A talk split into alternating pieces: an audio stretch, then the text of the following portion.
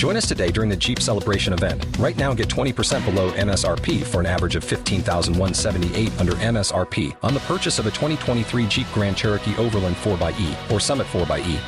Not compatible with lease offers or with any other consumer incentive offers. 15,178 average based on 20% below average MSRP from all 2023 Grand Cherokee Overland 4xE and Summit 4xE models in dealer stock. Residency restrictions apply. Take retail delivery from dealer stock by 4 1. Jeep is a registered trademark. Fighting Through World War II, Episode 83 Corporal Leslie Cook and the Japanese Doll. More great unpublished history.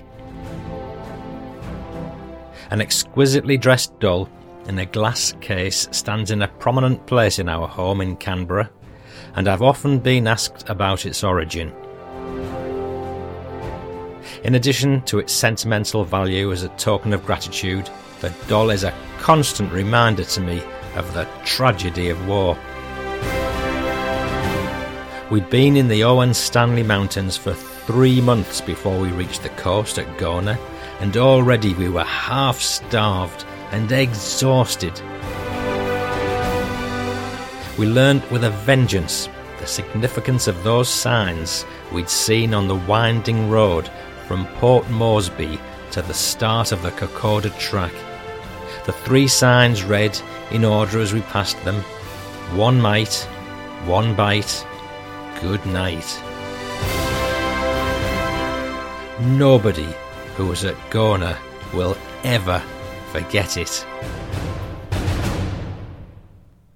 Hello again, and another warm welcome to the Fighting Through Second World War podcast. I'm Paul Cheall, son of Bill Cheall, whose World War II memoirs have been published by Pen and Sword in Fighting Through from Dunkirk to Hamburg. The aim of this podcast is to give you the stories behind the story and much more. You'll hear memoirs and interviews with veterans in all the countries and all the forces. Today is the story of the Japanese doll, which we covered partly during the interview in episode 82, and I'm going to read it as Aussie veteran Les Cook himself originally wrote it. You heard a few previews of the story in the intro to this episode. Right now, a bit of follow up from the last episode, firstly from Debbie, Les's daughter. Les recently took part in the Anzac parade in Australia and led the march no less. And Deb has sent me some great photos which I've posted in the show notes to this episode, along with a link to a video of the parade. It was great the way Les's escort never left his side for a second. And what a great set of photographs you'll see if you look in the show notes.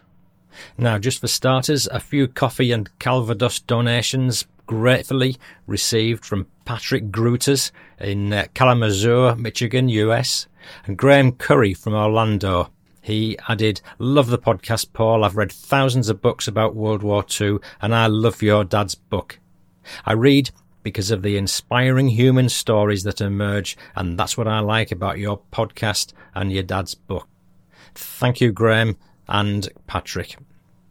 A bit of news, reviews, and family stories now.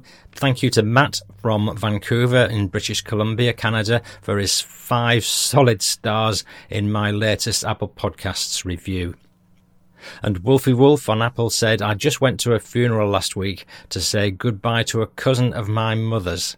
He was a navigator on a B 17 in the 8th Army Air Force, stationed in England during World War II. He was 96. They had his old navigator maps, with his flight path in red grease pencil, one to Berlin. Also, the old pictures of him and his buddies in London on Liberty Call. The Air Force sent a detail and gave the funnel flag to his great grandson. Thanks to Addis Gap from the US for your review, and a big shout out for Craig Gingell from Cardiff, who posted a review on Castbox. And Craig said, with World War II history, it's all too easy to see soldiers as numbers or statistics in grand battles. Paul's show reminds us all that these were people doing extraordinary things when called upon. And Craig added, I'm heading to Normandy at the end of May, and will be taking my kids to some of the D-Day beaches to make sure the next generation understand what people went through to earn the freedom that we now all enjoy. How good is that? And that's Craig saying that. And uh, Craig's just bought one of the three remaining signed hard copies of Dad's book with bookmark, pics, and a strictly limited edition fighting through Jigsaw. And blow me, he even bought me a nice Calvados to boot. Thank you, Craig. And that reminds me, I went to the shops last Friday afternoon on my bicycle and bought a bottle of Calvados, which I put in the bicycle basket. As I was about to leave, I thought to myself that if I fell off the bicycle, the the bottle would break. So, so what the heck? I drank all the Calvados before I cycled home. And you know what? It turned out to be a very good decision because I fell off my bike seven times on the way home. Stroth. You've got to try, haven't you? Carrying on with Craig, you also sent me this lovely World War II family story snippet. My mother has told me that my grandfather, Edwin Holder, was part of Mountbatten's personal guard in Burma. He survived malaria twice, but died of lung cancer when I was about three. And the only information I have is that one of his friends got shot and they evacuated him down the mountain to the casualty evacuation point. But he died when they got to the casevac. My grandfather was the only one who survived of all the people he knew who joined the army with him from Ebbw Vale in South Wales. My mother has his service book in the loft, so I'm hoping to do more research into his activities. Craig, I've sent you a link to the Fighting Through Research tab from my homepage, which has got lots of helpful research links uh, for all sorts of inquiries that you might have. I've put a link in the show notes. And if any listener can recommend a good book about Mountbatten, which might reflect Craig's grandfather's war whereabouts, I am sure Craig would be grateful. Kyle Romanishan from Stoney Creek, Ontario, Canada said, I really enjoy your podcast, gave it five stars on Spotify. Good man, Kyle. Especially liked episode 73, POWs in World War II.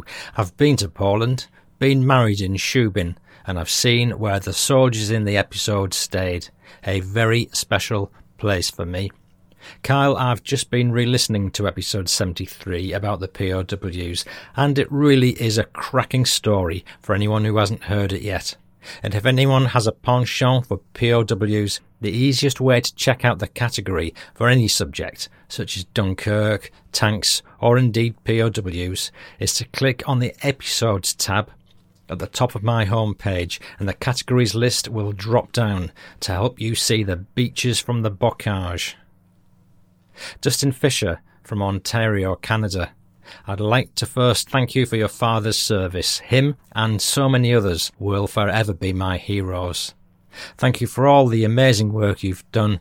I'm currently on episode 31 and I listen near every day at work.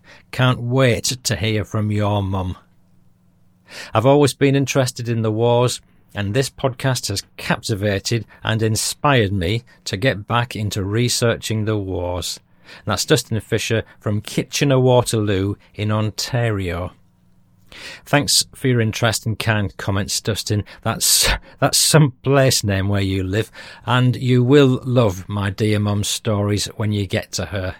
Just search under the categories for Women at War of which we've heard from several. Feedback from Rob Edmonds now.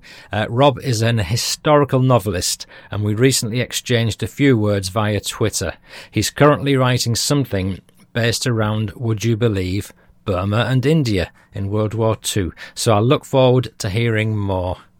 And Rob says, I live very close to Pwll Du Bay in Wales. Its claim to fame is that it was the location during World War II where the German U-boat crews would come ashore under cover of darkness for fresh water. Technically, it must be the last place on the British mainland to have been invaded by a hostile foreign power.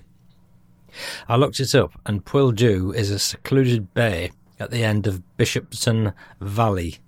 The beach is backed by a large bank of limestone pebbles with plenty of sand at low water, and I've put a link in the show notes. Just for your interest, I've added a few photographs in the show notes, and uh, one of the bay and one of its location not far from Swansea on the south coast of Wales, really not that far from Cardiff or Bristol, indeed, actually, in the waters of the Bristol Channel. Wow. Crafty Krauts, st- stealing water from right under our noses. Rob, thanks for that precious little nugget of World War II history. I'm putting a link to your Twitter account in the show notes where people can find out more about your novels about Massinissa, an ancient African king. Stunning photographs you've got on your Twitter account as well. Mr. Wayne Howard, my mate from Norfolk, just phoned to take the mickey out of my Australian accent, but says I can carry on trying because it gives everyone a laugh. Not because it's good, by the way. Wayne nevertheless enjoyed my rendition of Les Cook's story about the Aussie trooper who impatiently interrupted the noisy, screaming Japanese soldiers poised to attack by shouting, If you's a gonna have a go, don't stand there all night talking about it. Better than last time? Worse? No? Oh well. Wayne added a little fighting through factoid that the reason the Brits are referred to as Poms by the Aussies is because in the, in the early days of successive ships delivering yet another shipload of British convicts down under, they were colloquially referred to as prisoners of Her Majesty with a silent H, hence POM, POM, or, to coin a phrase, yet more bloody POMs, or, or as in rugby football or cricket, Barry, the Poms have beaten us again. so, so, so sorry, chaps. Couldn't resist that one. Oh dear. Bernie Walker said, My heart goes out to the people of Ukraine. Keep up the hard fight. And Bernie has sent me the most brilliant Christmas story about the war in North Africa involving the Italians. So guess what? I'm going to save it, not till the PS, but Christmas. That's Christmas uh, 2022. It's in the template document, just waiting for Santa time, and it's a beauty. Julian Pisa from Hamburg wrote in, Dear Paul, I've been meaning to write for some time thanking you for the amazing podcast. I often say that reality is more incredible than fiction, and the stories you share go beyond our wildest imagination. I particularly enjoyed the episodes on the Lancaster, but the episode on the Wrens, as well as the episode with your mother, were especially meaningful. It's now been about two years that I've been researching the last flight of Avro Lancaster PB 958 and its crew. I've collected piles of archival documents which paint a vivid picture of who these men were and have been able to contact a number of their living relatives. It's moments like these that really make all the long hours work worthwhile, bringing back a long lost uncle or a cousin, or in some cases, even someone's father. I'm currently painstakingly transcribing the nearly 200 page handwritten transcript of the war crimes trial held here in Hamburg at the Curiohaus in the summer of 1946 in relation to PB 958 and the murder of Flight Sergeant Kevin George Clark. Statements by witnesses, statements by the accused. 1946 cursive is nigh illegible, but over time letters start to form familiar words, and those words complete sentences. I intend to write a book as a lasting memorial to the crew of PB 958, one story among thousands similar, and you can bet that the Fighting Through podcast will get a sneak peek as well. Good man, Peter. This week, I met with one 92 year gentleman who used to be a flak helfer Luftwaffe Auxiliary Staff in 1945. He showed me his original 1943 Aircraft Identification Handbook, as well as a written retelling of his memories and experiences. He's asked me to identify an aircraft from his childhood, a fresh wreck he crawled through. Last winter, I helped a fellow historian uncover an old wartime mystery of an unknown aircraft crashing in his village. Hours of checking various databases provided a match, and not only were we able to successfully identify it, a B 24 by the name of BART, but a local citizen reached out with aeroplane parts, which turned out to be a quite well preserved Norden bombsight from the very same aircraft. We're currently trying to turn it into a permanent memorial in the village, and by doing that, hope to keep the history alive. Thanks once again, Paul. I can't wait for the next episode. Take care, Julian. Julian, thank you so much for that, and do keep in touch with your progress, as I know there are stacks of people who are very interested in Lancasters and their heritage, and they'll queue up ju- just to hear word of some new discovery. A final word, a wry, knowing smile from me regarding that bombsight that suddenly turned up out of nowhere. We've heard before on this podcast how the locals ransacked crashed planes just to grab a souvenir or two, and maybe it was no bad thing when it possibly saved parts from complete meltdown in the knackers yard. Brad Schutz from Pittsburgh in Pennsylvania has been in touch. My grandpa was John Dietrich, and he was in the Navy during World War II. His squadron, Motor Torpedo Boat Squadron 21, received the Presidential Unit Citation in October 43. He was a gunner's mate, first class, and was discharged in October 1945. He was the cook on a boat which included 12 enlisted men and two officers. His squadron followed a convoy to Papua New Guinea and then patrolled the Admiralty Islands, and most of his time was spent in the southwest Pacific area. On a side note, he used to cook my twin brother and I breakfast and would always load up the eggs with lots of salt and pepper. We asked Grandpa why he did that. He said it was because when he cooked the imitation eggs on the boat, he'd have to load them up with salt and pepper because they had no taste. Better than bully beef, Brad. I work at a golf course, and at any time I'm on a moor, I listen to your podcast. I'm on episode 38, so I still have quite a few to listen to. They definitely help my day go on quicker and more enjoyable. The only issue I sometimes have is understanding the accent some of the British vets have, lol. Brad, you mean like Wilf Shaw's pies have come and over the. I'm sure you do. Brad, eventually you're going to arrive at the Aussie veteran Les Cook stories, and you're going to hear about someone on a grass mower in a very precarious position, and you'll smile and think back to this warning. So rubber stamp it in your brain now for when the time comes. I'll say no more, but do drop me a line when the penny drops. Thanks, Brad. Family story from Mark Wright Johnson in Santa Fe, New Mexico. Paul, you recently asked for information on mini tanks. I heard an account somewhere of a German soldier defending the Normandy beaches operating one of these. This soldier was under such intense fire he had trouble both with control wiring being destroyed by bombs and just being able to observe progress of the vehicle. There's a link in the show notes. I know how much you enjoy an amusing war story. A friend of mine became a pilot of B 52s. Part of his initial training was escape and evasion, which took place on some acreage adjoining an airbase in Washington state. A group of students were put on one side of the acreage and had to reach the other side without being seen by two or three officers who walked around at random. Of course, this military zone is fenced off, but for safety reasons, and given that it was hunting season, students had to wear orange vests. Again, many thanks for the podcast and for the Ukrainian appeal. Mark Wright Johnson from Santa Fe.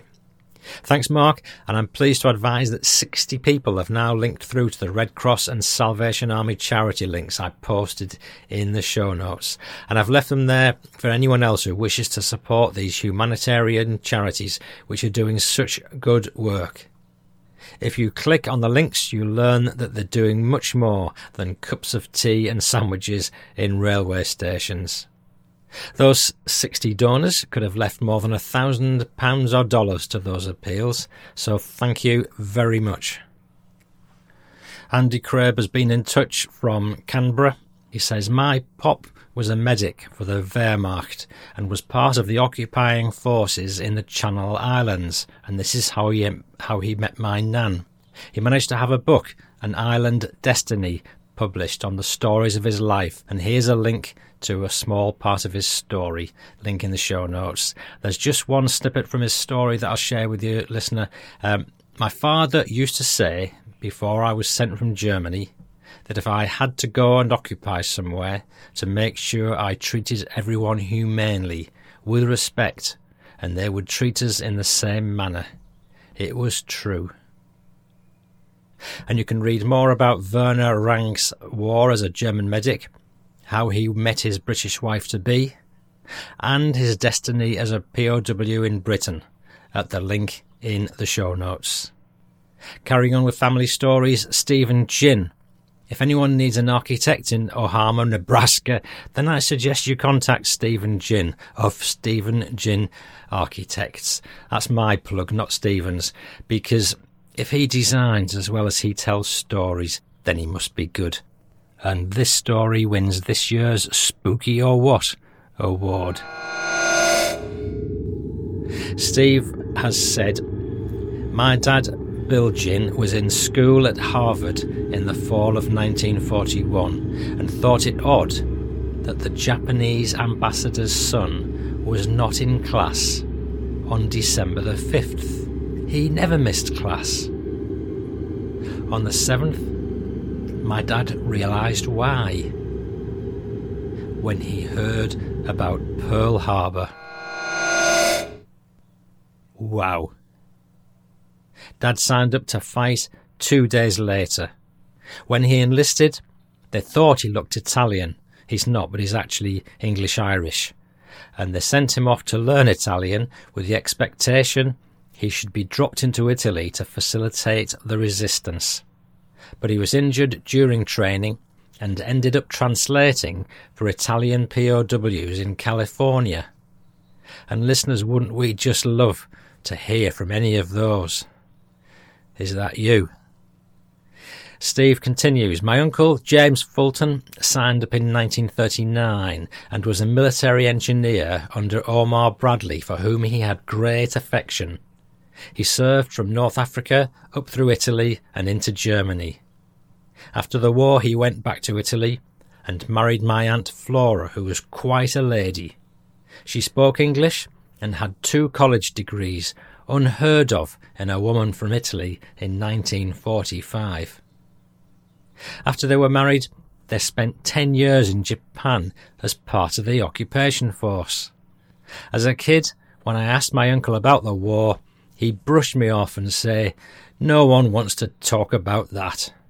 Thank you again, Steve. Thank you, Steve.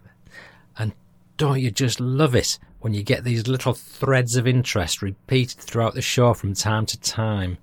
No sooner have we finished listening to Les Cook's story of the time he was part of the occupation force in Japan than up pops Steve with his story of his uncle doing similar. Just great stuff.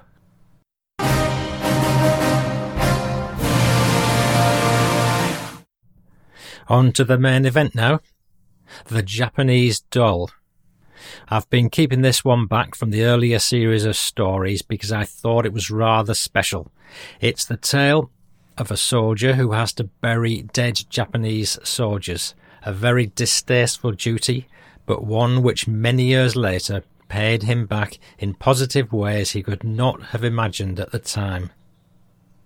The soldier, of course, is Australian veteran Les Cook, and his daughter Deb told me that the story about the Japanese doll has its origins in a field in northern New Guinea, where the mopping up of the Japanese was happening, and after a banzai challenge. Les mentioned that there were some hundreds of bodies in an area not much bigger than a football field, and this is where we got the Japanese diary and flag from. You're going to learn that this true story contains much more than the interview with Les, and even after the third time of reading it, I still find it to be an incredibly moving and powerful story. On more than one occasion, I felt myself welling up with emotion at what I've been reading. Here we go The Japanese Doll. An exquisitely dressed doll in a glass case stands in a prominent place in our home in Canberra. About 40 centimetres tall, the figure is of a girl in traditional Japanese costume. Its striking beauty has always attracted the attention of visitors, and I've often been asked about its origin. The doll was given to us by the Kondo family of Japan in thanks for returning to them personal effects of a member of their family, a Japanese soldier who was killed in New Guinea during the war. In addition to its sentimental value as a token of gratitude, the doll is a constant reminder to me of the tragedy of war. As I gaze at it today, my thoughts take me back almost 60 years to the fever ridden coastal swamps of New Guinea where this story began. In my mind's eye, I see the desolate scene again so vividly and in such detail that for a moment I feel as though I'm actually there. I hear the incessant rattle of rifle and machine gun fire, sense the oppressive heat and humidity and the cloying stench. And I feel the numbing tiredness that dulls all sensation, even fear. I see the gaunt, exhausted faces of my mates, and I remember those who are gone with the sentimentality that comes when we grow old, to those who've lived through desperate battles, I am saddened by the awful human cost of war. The battle for Gona and the clean up afterwards was my worst experience of the war. We'd been in the Owen Stanley Mountains for three months before we reached the coast at Gona and already were half starved and exhausted. Gona was a small village, surrounded by a fetid swamp, infested with a multitude of biting insects, some of their bites being fatal. We were in open kunai grass country without shade, and lived almost continually in slimy swamp water, which often was the only water we had to drink. The Japanese were hemmed in with their backs to the sea. Their country had abandoned them. There was nowhere for them to go, and they fought to the bitter end. Diaries taken from their bodies after the fall of Gona are stark evidence that they were aware of the utter hopelessness of their position. But those same diaries also tell of their determination to fight to the last although it seems to me now to have been much longer. The battle only lasted about three weeks. It had become a battle of attrition. Reading the official history now, it's clear that even our own High Command was almost despairing of the outcome because of the numerous unsuccessful attacks and the high casualties. Unaware of their concern, the few of us who were there just kept going. Sickness and disease caused more casualties than the enemy. Scrub typhus, a disease caused by the bite of a tiny mite, was a certain killer in those days, and cerebral malaria and dysentery were also responsible for many deaths. We learned with a vengeance the significance of those signs we'd seen on the winding road from Port Moresby up Hombrom Bluff to the start of the track to Kokoda. The three signs read, in order as we passed them, one mite, one bite, good night. We were so short of men that apart from the wounded, only those whose temperatures went above 104 degrees Fahrenheit, 40 degrees centigrade, or who were unable to stand, were evacuated to the field hospital at Soputa, about 15 kilometres back. The walking wounded and the sick who were able to do so made the trip on foot through the mud. The sick who were considered likely to recover from their sickness in a few days were merely sent back about one kilometre, where they could at least lie in the shade of the trees, and where they either got better or worse, largely on their own merits. There were few medical supplies. After the fighting was over, we were faced with the unpleasant task of burying the dead. The Japanese had stopped burying or burning their dead, but just put them outside their bunkers and weapon pits, sometimes in heaps more than a metre high. The latter was probably done with the intention to burn them in due course, as was their custom, but the intensity and closeness of the fighting did not allow this. Our dead, inside and close to their perimeter, also remained unburied. There were places around some of the positions where the dead of both sides were intermingled as the positions were won and lost in the seesawing battle. More than 1,000 dead from both sides in various stages of decomposition lay in this very small area when the battle was over. Nobody who was at Gona will ever forget it. Indeed, when I look back on that year of 1942, I believe that none of the units that had served in the Middle East and had returned more or less intact and unchanged were ever the same after the Owen Stanley and Gona campaigns. This would be equally true, of course, of those units that served at Milne Bay, Buna, and Sanananda Point that year. After Gona fell on 8th December 1942, some units started moving up the coast towards the mouths of the Amboga and Kumusi rivers to contain the Japanese forces that had landed there to reinforce the Gona garrison. The rest of us were engaged initially on burying the dead, a task which occupied us for three days in the most awful conditions. It was customary in such circumstances to collect from the enemy dead any papers or documents that might be of use for intelligence purposes. These were passed to our intelligence people. Among other things I'd collected was a diary and a flag taken from the pack of one of the Japanese we'd buried. The flag was of white silk about 90 centimetres square, with the large red dot of the rising sun in the centre, and around which were handwritten Japanese characters in black ink. I understand that these characters were wishes of good luck written by the family and friends of the soldier.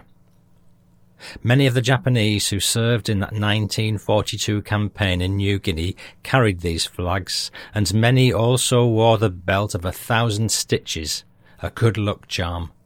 These men had been at war for a long time, having fought in China, the Malay Peninsula, and in Java before going to New Guinea. This particular man had left Japan in February 1940, almost a year before Japan entered the war, so it was probably in all those campaigns. I don't recall seeing a Japanese soldier with either of these things in subsequent campaigns. I wonder why. Our intelligence people had all the information they required, so I was allowed to keep the diary and the flag. I took them with me when I came back to Australia at the end of January 1943 and left them at home. I was at Balikpapan in Borneo when the war ended and went to Japan with the Australian contingent of the occupation forces. While in Japan, we took our turn with other British Commonwealth countries and the Americans on guard duties in Tokyo. One of the places we guarded was the Yasukuni Shrine, a Shinto shrine dedicated to the spirits of those Japanese who've died in battle. The attendants at the shrine were all old soldiers, one of whom could speak English. While discussing the differing aspects of the Shinto and Christian religions with him, I told him of the flag and diary. He explained that in Japanese family remembrance ceremonies, there is deep spiritual significance in having something that was with the deceased relative at the time of death. Becoming aware that the articles I'd taken home as souvenirs would be of such great comfort to the soldier's family, I realized that it would be morally wrong for me to keep them. I resolved then that I would return them to his family if possible. Our family moved to Canberra in 1964 and I frequently passed the Japanese embassy on my way to and from work. This reminded me of the diary and flag. I took the diary to the embassy, asking if they could identify the soldier from it, and if so, would they try to locate the family and have the diary and flag returned. The people with whom I spoke at the embassy didn't appear to be very interested in doing anything, so I let the matter drop. About ten years later, a girl from Thailand who'd come to Australia to further her education was living with us. We called her Tim because we had difficulty pronouncing her real name. She was studying the Japanese language as part of a university course at the Australian National University. A Japanese national, Mr. Kaneko, was her tutor. Tim took the diary to Mr. Kaneko, asking if he would help in finding the family. I think that this occurred in 1976 when our Prime Minister was planning to visit Japan. Japanese journalists had come to Australia in connection with the proposed visit, and Mr. Kaneko showed the diary to these journalists who agreed to do what they could do to help. They came to our house where we talked for two hours, during which I gave them all the information I could. Interestingly, they felt that knowing the age of the soldier would be of great assistance to them in their search, and asked me several times if I could remember. It had been more than thirty years ago. We'd buried hundreds after that battle, and it was only one of many battles and many burying parties. I didn't think that it would be possible to remember him in such detail. But concentrating on it because of their insistence, I could see him again in my mind's eye, as if I was presently looking at him. I said that I thought he would have been in his mid twenties, which turned out to be correct. The effort involved in doing this took me back to the swamps of Gona, with the constant firing, the heat, the numbing fatigue, the fevers and sickness, and the smell, and left me mentally exhausted. I was surprised at the disturbing effect it had on me. This experience confirms my belief that everything we've ever seen or heard or smelt or tasted in our lives is stored in our brains somewhere if only we can recover it. The journalists took the diary and the flag back to Japan with them and were successful in locating the soldier's sister in a small village in the mountains near Hiroshima. The rest of this story consists mainly of copies of letters between her daughter-in-law Masuko Kondo and me. I include them because of the great sensitivity expressed in her letters. It's been my experience in life that in a race where the men behave like beasts, the women are exceptionally compassionate and understanding. Perhaps this is nature's way of compensating for the excesses of the men. Letter dated 27th July 1976 from Masuko Kondo. Dear Mr. Cook, We've not met before, but I'm writing you this letter of thanks to express my gratitude to you from the bottom of my heart. Today we suddenly received from a Mr. Kaneko living in your country some glad news that we never expected.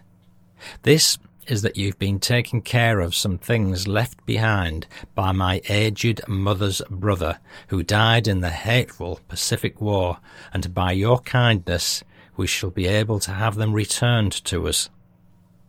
When we saw the airmail letter in our mailbox, that in itself was unbelievable for people like us who live far out in the countryside. We read the address over and over to be sure it was for us before we dared open it. As we read it, we found ourselves facing something we'd not dreamed of. Something dear to us and very joyous, and we wept tears mixed with emotion, fond memories, and joy. Mr. Cook, thank you very much. With all our hearts, we thank you deeply. Though over thirty years have elapsed since the war ended, you've been good enough to take care of these things for so many years, and besides, you've asked so many people and have gone to so much trouble in order to return them to us. It is more than we could ever have imagined. How thankful it is for someone whom we do not know and have never even heard of from a distant country to go to so much trouble and concern for us. I shall promptly inform the Office of Japan's Welfare Ministry, the government department responsible for finding the family, and Mr. Ozawa of the Mainichi newspaper Mr. Ozawa was one of the journalists who came to our home with Mr. Kaneko. This year's Obon Festival will soon be held in August. In Japan, at the time of Obon, we greet into our homes the spirits of our deceased ancestors. It's the custom for all in the family, even those who've left to work in the cities, to return for this ceremony and join in consoling the dead. With this once in a year important Obon soon to begin, receiving the belongings of the deceased uncle through your kind sympathies is, as far as we're concerned, the best way of giving my uncle consolation. When my mother and her brother were still small, they lost their parents and faced many hardships in life, but held on despite it all. Then my mother was robbed of her brother by that war.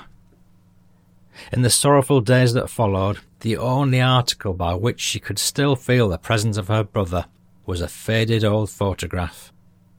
But when she learned that she would be able to touch belongings that were, that were on his person at the time of his death, she could not keep back the tears of gratitude for all you've done. Our deepest regret is that we cannot tell you our thanks directly, face to face praying here in distant Japan that you shall always and always be healthy and blessed with happiness. I lay my pen down. From my aged mother and from all in the family, heart-born regards. Masuko Kondo. So that was July 1976. I replied immediately with details of her uncle's death at Gona how I'd come by the flag and diary and the circumstances of their return. I told her that in the final phase of the battle, the Japanese soldiers had been invited to surrender, but had chosen to die fighting. We had buried her uncle and his comrades in soldiers' graves where they fell. I consoled her with the knowledge that her uncle had given his life serving his emperor and his country, and that the family should remember him with pride. I ended my letter with what I thought was an appropriate quotation from Macaulay's famous poem, How Horatius Kept the Bridge, as an epitaph. Then out spake brave Horatius, the captain of the gate. To every man upon this earth death cometh soon or late. And how can man die better than facing fearful odds? For the ashes of his fathers and the temple of his gods. Masuko's reply to my letter is as follows. So at this point, the family has just received the parcel with the items. Dear Mr. Cook, thank you very much for your kind letter received the other day. The items that you cared for over so many long years arrived at our home a few days ago. Thank you warmly and from our hearts. My whole family, beginning with my mother, were deeply choked with emotion when we held in our hands the items left behind by the deceased. The way in which you carefully preserved these items for 33 years reveals to us your kind nature. In the earlier letter, I wrote about the Obon ceremonies. The items didn't arrive in time for the Obon, but even so, at this year's Obon, we were able to propitiate the spirits of the dead members of the family, more specially with deeper emotions. According to your letter, you say that you buried a large number of corpses of Japanese soldiers, and we really are thankful to you for doing this. It seems a shame that we are the only ones to know about this fact. Here at home, we've been discussing whether or not it wouldn't be fitting repayment to the kindness of yourself and others like you if you would let other families who've lost someone in the war know about what you've done. When our local newspaper made a big story of how you sent us these items of the deceased family member, there was a big reaction to the story. Just the other day, there was a letter to the editor of the paper from a reader who said he cannot get rid of the thought that the bones of many of his soldier friends are lying in the New Guinea, exposed to the elements, and he wishes his country would do something about it and help collect those bones. As soon as we read this, we telephoned the writer and told him everything you said in your letter. When he heard how someone from another country had kindly buried our soldiers, he also was very moved. Even now, those people who managed to live and to return to our country alive still have the scars from the war deeper than we can imagine. I myself lost a brother in the war. After his graduation from the old army officers' school, he went to Burma, where he died at 24, a colonel. Probably he felt a great pride in being able to die for the country and for the emperor, but that is how the Japanese were educated to think at the time. There isn't anything as awful as war, no matter for what reasons, with so many people's lives being taken from them. It seems there can be absolutely no excuse for this from a standpoint of humanity.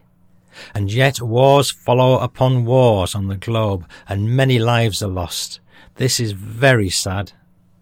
With our small, weak power, we just hope for the building of a peaceful world and do our best every day for this end. With prayers from the heart that days of peace and happiness will always continue to shine on you, Mr. Cook, I offer you this letter of thanks. Respectfully, Masuko Kondo. Back to Les. My wife Betty and I were planning to visit the UK in 1977 and were considering going via Japan to meet the Kondo family. I must say that I had some reservations about this, as I wondered how my own sister would have felt if the situation was reversed. But the suggestion was welcomed warmly by Masuko, and we made arrangements to meet at Hiroshima. A transport strike in Japan while we were there made this impossible but Masuko and her husband were able to come to Kyoto to meet us. Betty had crocheted a large woolen shawl as a present for the soldier's sister, but to her great disappointment was unable to give it to her in person because she had not been well enough to accompany them. Masuko took the shawl back to her mother-in-law. We didn't know that they'd sent us the doll as a thank you gift until we returned home to Australia almost three months later. Masuko was the mother of two young adult sons when we met at Kyoto in 1977. As a grandfather, I've had the experience of watching the relationship between our daughters and their children as they grow to adulthood. It is with the sensitivity and wisdom that apparently come to most men only with age and family responsibility that I can now fully appreciate the anti-war sentiments expressed in Masuko's letters. I'm sure that she echoes the silent prayer that has arisen in times of conflict from every mother in the world since time began. I remember now with shame that I gave no thought to the anguish my mother must have suffered when soon after my seventeenth birthday I enlisted in the Australian Imperial Force and was away for almost seven years, most of that time overseas. I've taken the liberty of copying the full text of two of Masuko's letters because I believe that in them lie the very heart and soul of this story.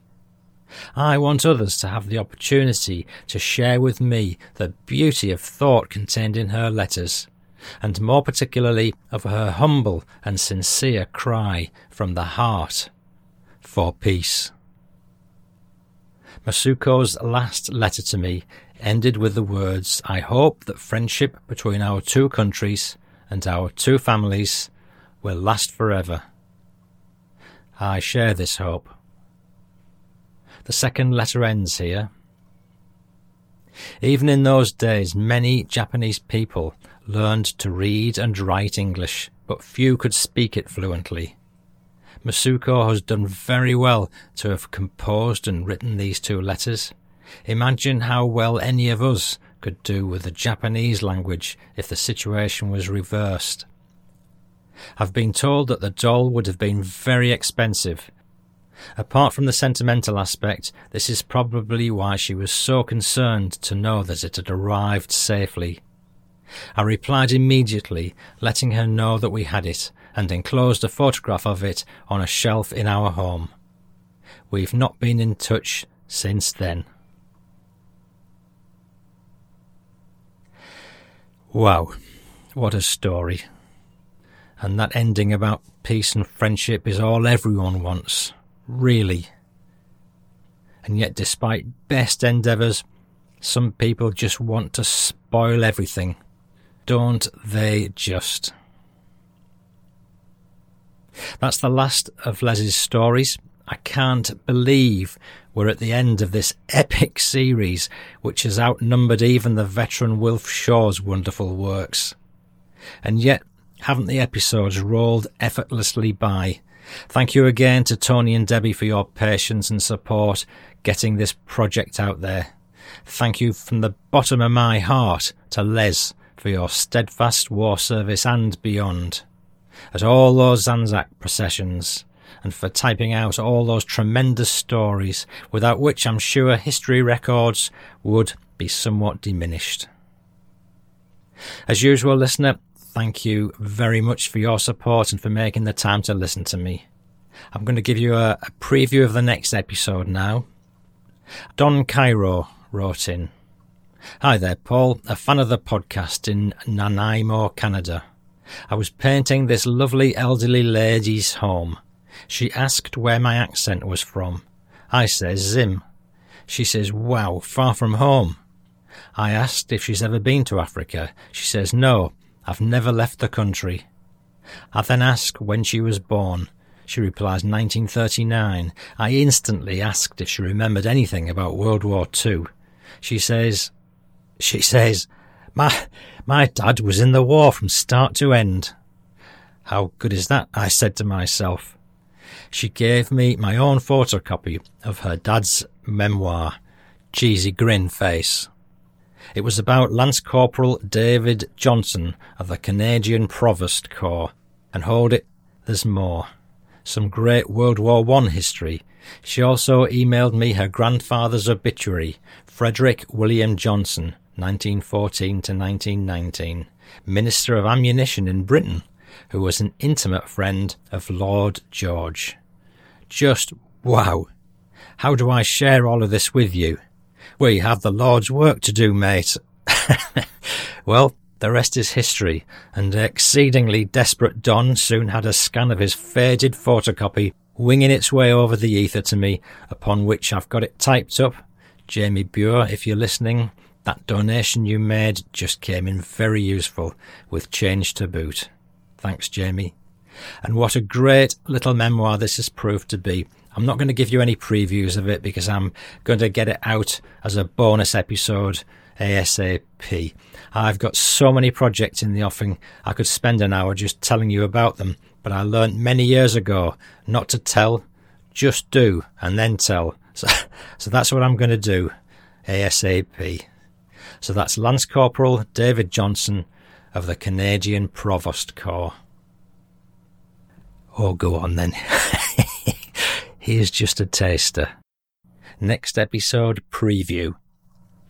Now that I'm approaching my 71st birthday, it seems proper that some of the circumstances which I witnessed during the World War of 1939 to 45 should be recorded.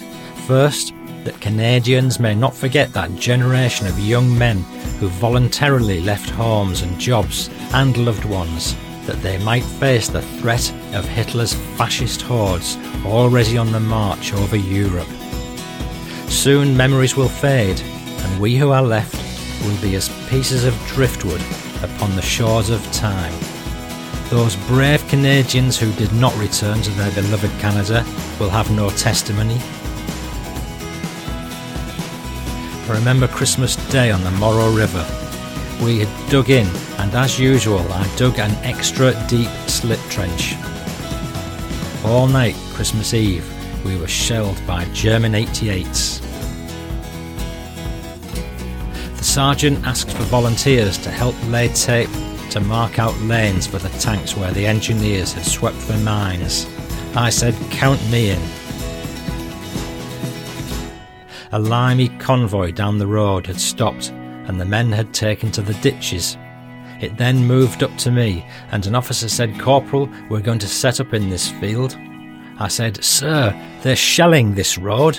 And he replied he must set up his unit anyway. So that's Lance Corporal David Johnson. Next episode, 84. More great unpublished history. P.S. The Happy Wanderers. You know, I'm such a tease. Just when you thought the coast was clear and you'd heard the last of the Les Cook yarns, here's one more to well and truly sew up the series and give Les's larynx and mine a good earned rest. Well, until I've done the next episode, of course, ASAP. So, this is called The Happy Wanderers. I think in this story there's a moral about not drinking too much Calvados and then riding a bicycle, but I'll let you make your own mind upon this one. I cannot remember seeing a fight between sober men in the almost seven years I was in the AIF.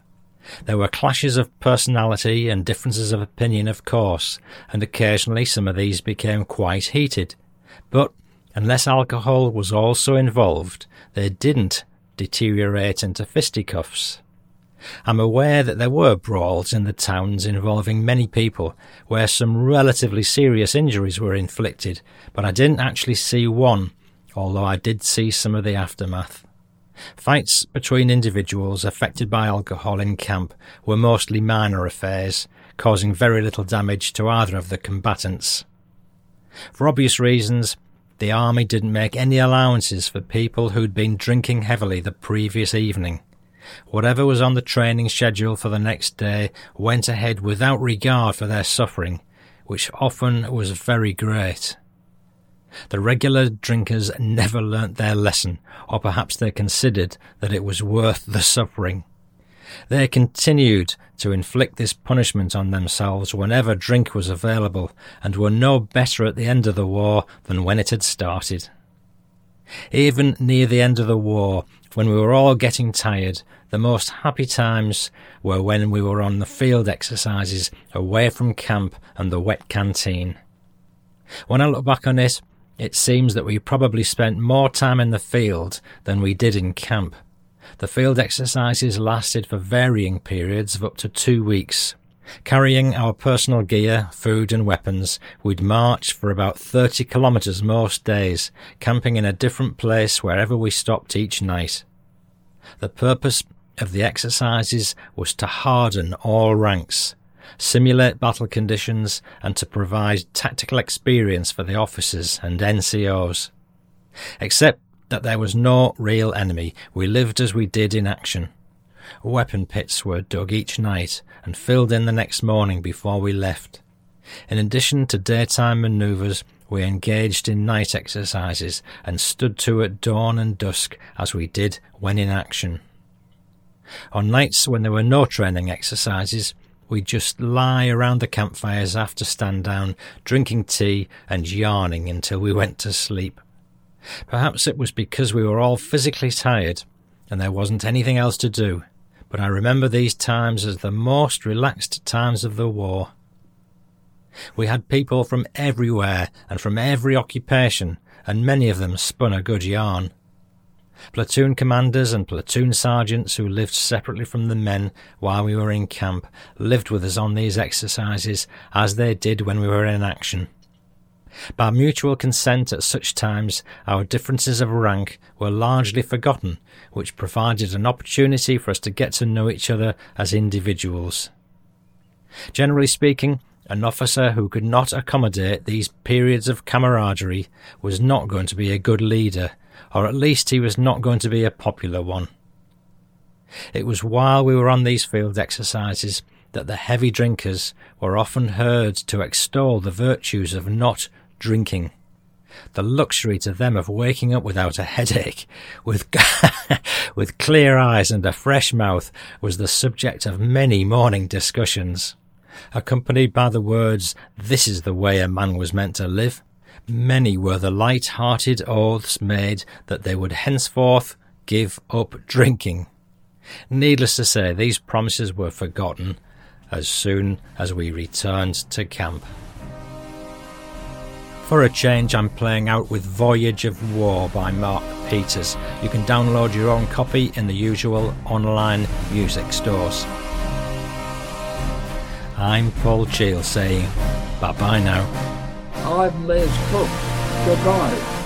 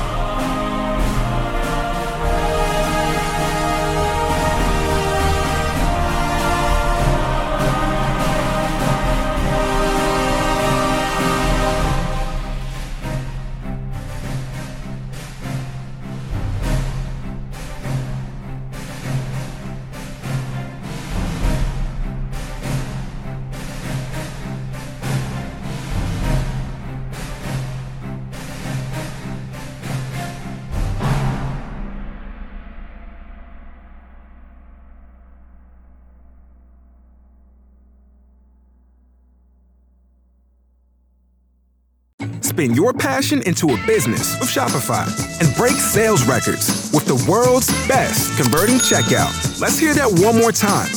The world's best converting checkout. Shopify's legendary checkout makes it easier for customers to shop on your website, across social media, and everywhere in between. Now that's music to your ears. Any way you spin it, you can be a smash hit with Shopify. Start your dollar a month trial today at shopify.com slash records.